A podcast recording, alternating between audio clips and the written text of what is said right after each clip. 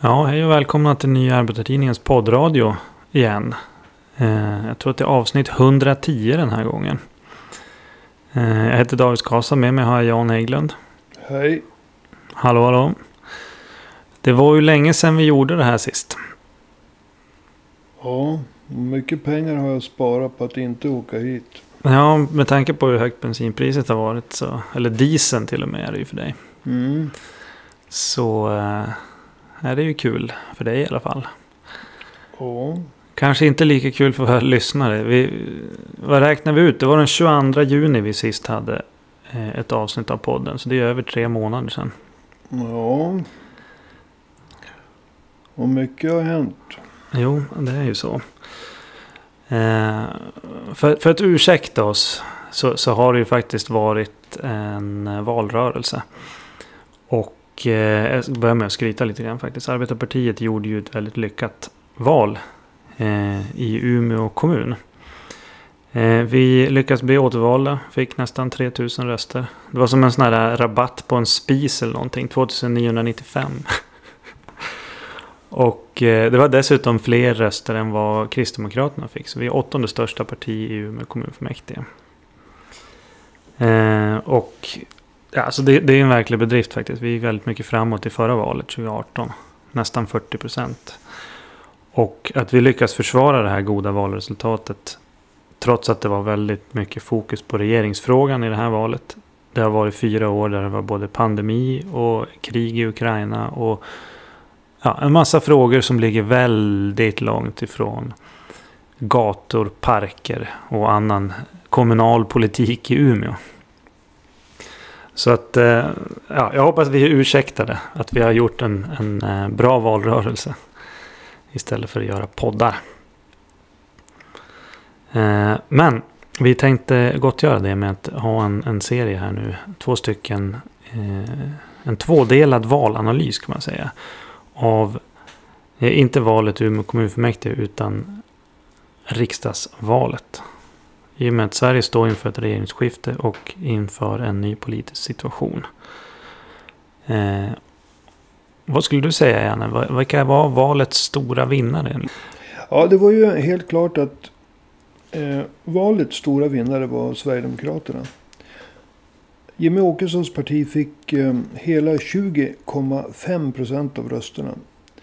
Och nu- det är en ökning med 3,0 procentenheter jämfört med förra valet. Mm. Även Socialdemokraterna gick framåt. De fick 30,3 procent. Och det var en ökning med 2,0 procentenheter jämfört med för fyra år sedan. Men medan SD var valets stora vinnare så gjorde Socialdemokraterna sitt näst sämsta val sedan den allmänna rösträtten infördes. Mm. Det enda som var sämre det var 2018.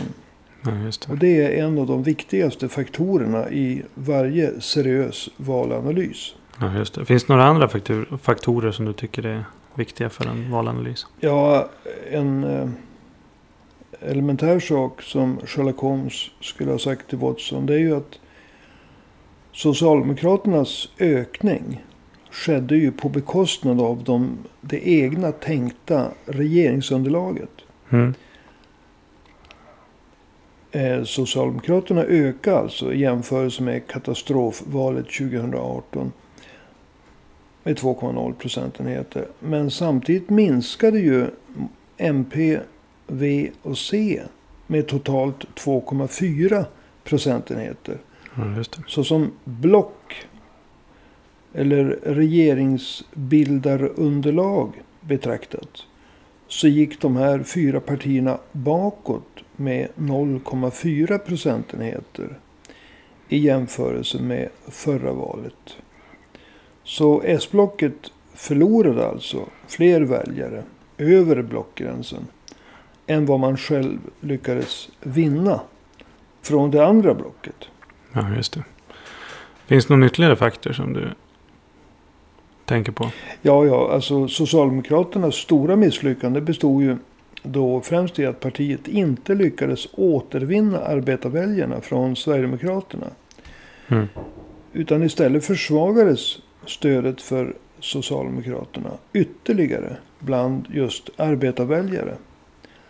Samtidigt som stödet bland arbetarna fortsatte att växa för Sverigedemokraterna. Mm. Bland de som uppger sig vara arbetare så röstade 32 procent på S i årets val. Medan hela 29 procent röstade på SD. Och det är bara 3 procents skillnad. Mm. För fyra år sedan då låg stödet på em, 34 procent för Socialdemokraterna bland arbetarna. Medan stödet för SD låg på 24 procent. Och det är ju en 10 i skillnad. Mm. Allt det här enligt eh, Svensk Televisions väljarundersökning. Ja, just det. Så kan du dra siffrorna igen så att alla kommer ihåg dem? Ja, alltså skillnaden bland arbetarväljare i årets val. Det var väldigt liten. S hade 32 och SD hade 29. Mm. Och går vi tillbaka till valet 2018. Då låg stödet för Socialdemokraterna på 34.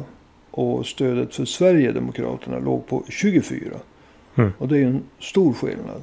Ja, Så ett försprång på 10 procent hade minskat till ett försprång på 3 procent. just det. Eh, om man tittar på de flesta valanalyser som har varit i, i eh, ja, man tittar runt i media så där. De utgår ju från att Socialdemokraterna nu har tvingats lämna ifrån sig regeringsmakten. Eh, men jag vet ju att du anser att sossarna aldrig har återerövrat regeringsmakten ända sedan Reinfeldt och Alliansen vann valet 2006. Jag tänker att det är på plats med en, en liten utvikning här. Varför anser du att det är så? Ja, alltså Socialdemokraterna börjar ju att separera regeringsmakten från regeringsposterna. Eller regeringsposterna från regeringsmakten efter valet 2014. Mm. Jag vill påminna om att efter det valet, alltså 2014, så tog det tre månader av förhandlingar innan S tillsammans med MP fick till decemberöverenskommelsen. Populärt kallad DÖ. Dö. Dö. Och det var först med den som S och koalitionspartnern MP fick fast mark under fötterna. Mm. Under hösten efter det valet så fick ju S och MP se sitt budgetförslag falla. Och Stefan, Stefan Löfven han tvingades inleda sin tid som statsminister efter valet 2014 med en budget utarbetad av allianspartierna. Mm. Alltså regeringen fick inte majoritet för sitt eget budgetförslag. Då de fyra allianspartierna och SD röstade emot S och MP-budgeten.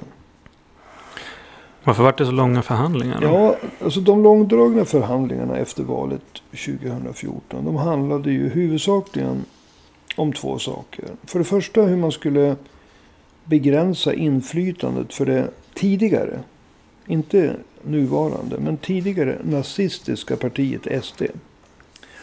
Och dels om vilka politiska eftergifter som Socialdemokraterna var beredda att göra. För att få stöd för att kunna regera själv. Mm. Så redan för åtta år sedan började Socialdemokraterna kompromissa med själva regeringsmakten. För att kunna ikläda sig regeringsposterna. Just det. Och det här mönstret återupprepades ju efter valet 2018. Då tog det hela fyra månader av förhandlingar. Innan Stefan Löfven kunde väljas till statsminister. Genom det så kallade januariavtalet. Mm. Och återigen eh, så handlar ju förhandlingarna huvudsakligen om två saker. Hur inflytandet för Sverigedemokraterna skulle minimeras och vilka politiska kompromisser som S var beredd att göra för att få förlänga sitt innehav av just regeringsposterna. Mm. Och de här förhandlingsuppgörelserna efter valen 2014 och 2018 de var möjliga Eftersom inget av de forna allianspartierna då ännu var beredda att ingå ett organiserat samarbete med Sverigedemokraterna. Så Socialdemokraternas taktik, taktik bygg, byggde ju på alltså att man skulle låtsas som att SD inte fanns. Mm. Och eftersom de borgerliga partierna och Miljöpartiet och V var med på det. Så funkar det ju. Mm. Om man tittar på de här två senaste mandatperioderna. Så speciellt den senaste, sen 2018, har ju varit extra instabil. Vad beror det på? Ja, alltså den regeringsbildning som skedde efter valet 2018. Det måste man säga, den var dömd att misslyckas. Och tre av de skäl som låg bakom är ju att i valet 2018 så hade ju Socialdemokraterna och Miljöpartiet tillsammans fått färre än en tredjedel av väljarna. Samtidigt så hade ju den samlade borgerliga oppositionen, alltså de fyra forna allianspartierna och SD, Mm. tillsammans fått stöd av nästan 60 procent av väljarna. Mm. Och det skapar ju ett väldigt ogynnsamt maktförhållande för minoritetsregeringen. Som också var en koalitionsregering av Mm. S och MP. Och det där märktes, och det är nästa punkt som jag vill ta upp. Det där märktes ju därför att det budgetförslag som S och MP la fram. Det fälldes ju direkt på hösten då. Eh, 2018. Ja, just det. Redan innan han vart Ja. vald på riktigt. då. Ja, Mm. redan innan Stefan Lö- Löfven blev vald. Så därför tvingades ju S och MP styra med en budgetreservation utarbetad av Moderaterna och KD. Mm. Året 2019. Och det här var ju andra gången efter 2014 som man tvingades göra, med det, göra det. Ja. Ett tredje skäl som gjorde att den senaste mandatperioden har varit extra instabil. Det berodde ju på att de olika partier som möjliggjorde att Stefan Löfven blev, om, om alla kommer ihåg uttrycket, tolererad som statsminister. De partierna som, som hjälpte Stefan Löfven att bli to- tolererad. De stod ju för sinsemellan helt oförenliga krav. Centern och Liberalerna. De ville bland annat försämra lagen om anställningsskydd. Centern och Liberalerna ville ta steg mot marknadshyror. Mm. Men Vänsterpartiet, som ingick i samma underlag för regeringen. De hotade att fälla regeringen om den gav efter för Centern och Liberalerna i frågor som hade med anställningsskydd och marknadshyror att göra. Mm. Så det byggdes ju in motsättningar som helt enkelt gjorde att någon gång måste det smälla. Mm. Ja, det det gjorde det. också. Ja. Vid flera tillfällen. Men alltså om du frågar en socialdemokrat. Så kommer den kanske att säga att ja men det fanns ju inget annat alternativ. Så kunde sossarna gjort på något annat sätt än vad Löfven nu gjorde efter Ja, valet alltså, 2018? det uppenbara är ju att Socialdemokraterna kunde ha avgått. Därför att om inte förr så borde man ha avgått när det egna budgetförslaget röstades ner. En minoritetsregering som inte har ens en tredjedel av väljarna och mandaten i riksdagen bakom sig. Mm. Som inte får igenom sin egen budget. Den regeringen saknar legitimitet. Den är ju naturligtvis laglig. Men den saknar legitimitet. Alltså folkligt stöd. Ja.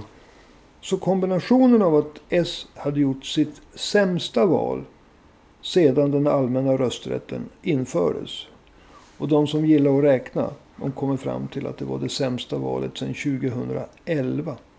Sen 1911? 1911 menar jag. Ja. Och eh, kraven från Centern och Liberalerna på att denna väldigt vad heter det, tilltufsade socialdemokrati nu skulle göra långt gående ideologiska reträtter. Allting, alltså valresultatet och kraven från Centern och Liberalerna pekar ju på att Socialdemokraterna borde ha satsat på en comeback i valet 2022 efter att ha avgått och tillbringat en mandatperiod i opposition. Eh, man skulle, eventuellt, man skulle eventuellt ha kunnat utlysa ett extraval i början av 2019 i förhoppningen att eh, få ett bättre valresultat. Men alltså grundtipset är att man måste ha avgått. Man var inte en legitim regering mm. efter valet 2018. Men den, den tilltänkte socialdemokraten kontrar ju då med att säga att ja, men, i sådana fall hade ju Socialdemokraterna tvingats lämna över makten till en borgerlig regering. Svarar du på det? Ja, som jag inledde med att säga. Socialdemokraterna har aldrig riktigt återerövrat regeringsmakten. Utan vad man återerövrade främst 2014. Efter alliansregeringen. Eh, de hade ju åtta år där. Det är ju främst regerings regeringspositionerna. Under de här två mandatperioderna som gått då. Alltså från 14 till 18, 18 till 22. Så har ju Socialdemokraterna regerat med rent borgerliga budgetar. Alltså budgetar utarbetade av de borgerliga partierna. Mm. Under tre av de åtta åren. Och det är åren 2015, 2019 och det innevarande året. Alltså det år vi är inne i nu, 2022. Ja, just det.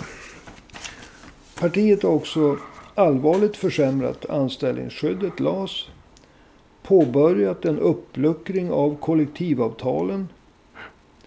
Man har sänkt skatten med nästan 70 miljarder. Trots att man på partikongressen 2017 sa att skattesänkningarnas epok är över.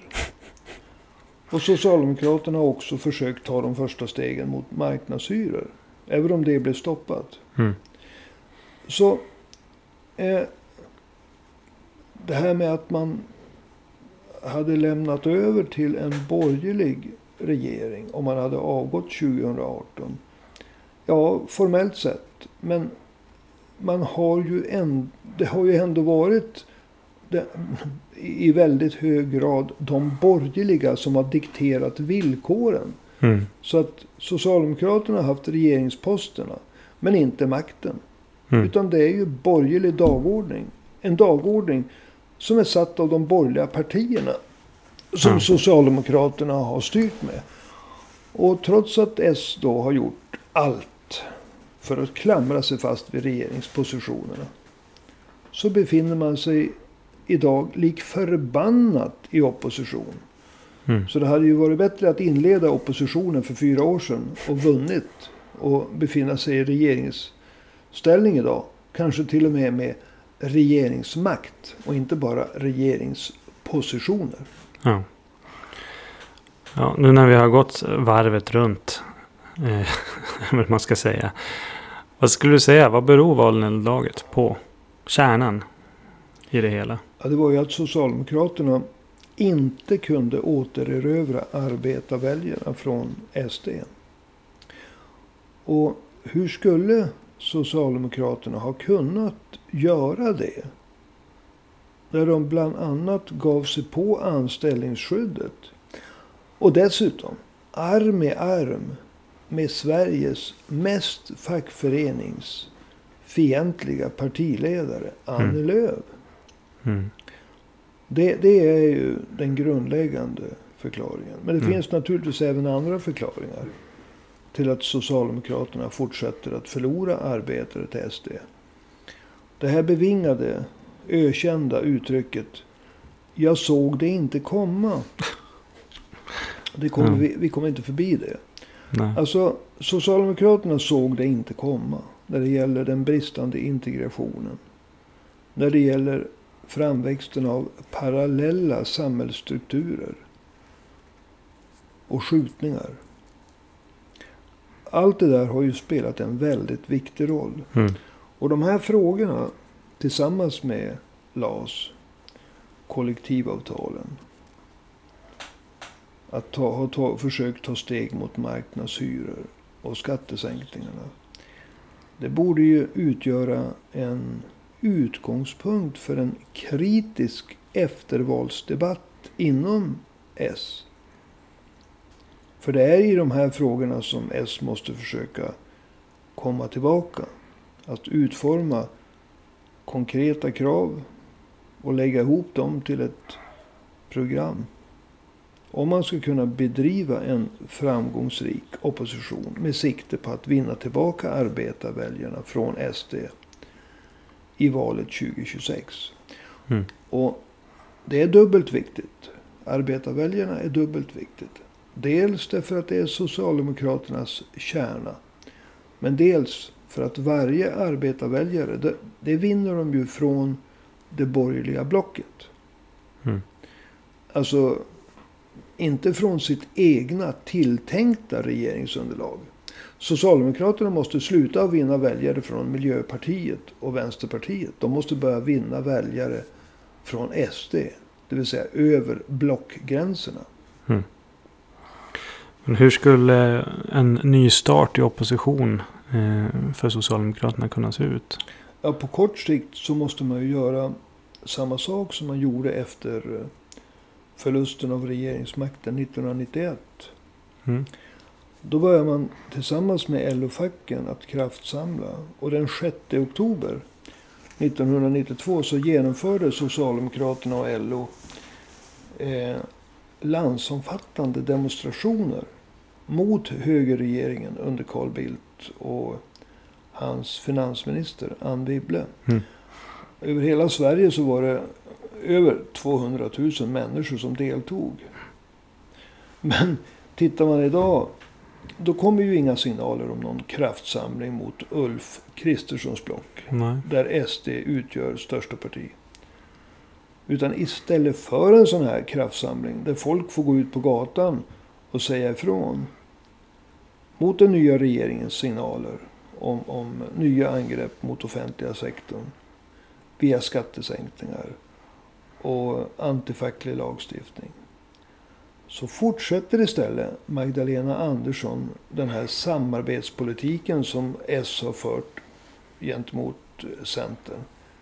Genom eh, alltså riktat mot, mot Moderaterna. Mhm. Alltså jag såg ett utspel från Magdalena Andersson i media. Just efter att hon hade avgått som statsminister. Hon, hon, hon säger, jag, jag citerar, jag har en rubrik här. Om M vill samarbeta med mig så står min dörr öppen. Alltså om M vill samarbeta med mig så står min dörr öppen. Ja. Det är, det är lite annat än 200 000 personer runt om i hela Sverige. Jo, Som sagt. sätter tryck va? På. Ulf Kristerssons föregångare.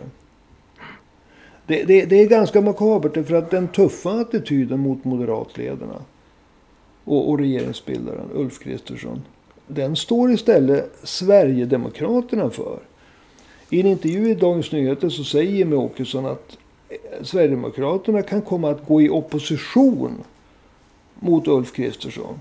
Om denne skär i a-kassan. Mm. Och det, det är ju den omvända världen. Mm. Och om denna arbetsfördelning mellan sosseledaren och SD-ledaren blir bestående. Då kommer Socialdemokraterna varken att återerövra regeringsmakten eller regeringspositionerna 2026. Nej. Ja, vi börjar ju komma till eh, avslutning här. Har du någonting, något sista ord som du skulle vilja säga? Ja, det är att jag hoppas att eh, i brist på de här arvodena som man aldrig får någon gång. Att Mhm. eh, Arbetarpartiet kan klara av, eller nya Arbetartidningen kan klara av att, att införa webb-tv. Så jag får sola mig i glansen av många, många tittare och inte bara lyssnare. Ja, just det. Ja, men du, med de orden så avslutar vi den här första delen av valanalysen Mm. av eh, riksdagsvalet i, i Sverige. Och eh, ja, det är ju kul att vara tillbaka vid mikrofonerna här. Och kanske snart under eh, kamerans eh, bevakande öga. Ja, det får man hoppas. Ja. Eh, du som lyssnar, om du tycker om podden och om du vill se eh, oss framför kameran. Ja, åtminstone mig. Ja. Då får du gärna swisha ett bidrag eh, till podden. Numret är enkelt. Det är 123 504 7105. 123 504 7105. Och dit kan man swisha vilka bidrag man vill. Eh, inget bidrag är för litet brukar vi säga. Eh, nej, för stort. Inget bidrag är för stort. det finns för små bidrag. Jag tror att det är en avgift på några kronor för varje inswishad eh, grej. Så att swisha en tia minst. Men eh, sen är ju the sky is the limit som man brukar säga. Det är också så att fem hundringar är fler än fyra tior. Exakt. Och därmed så är dagens avsnitt, eh, våran comeback, avslutad. Jag heter David Karlsson, med mig hade jag Jan Hägglund. Du har lyssnat på Nya Arbetartidningens poddradio och vi återkommer igen om en vecka. Hej då!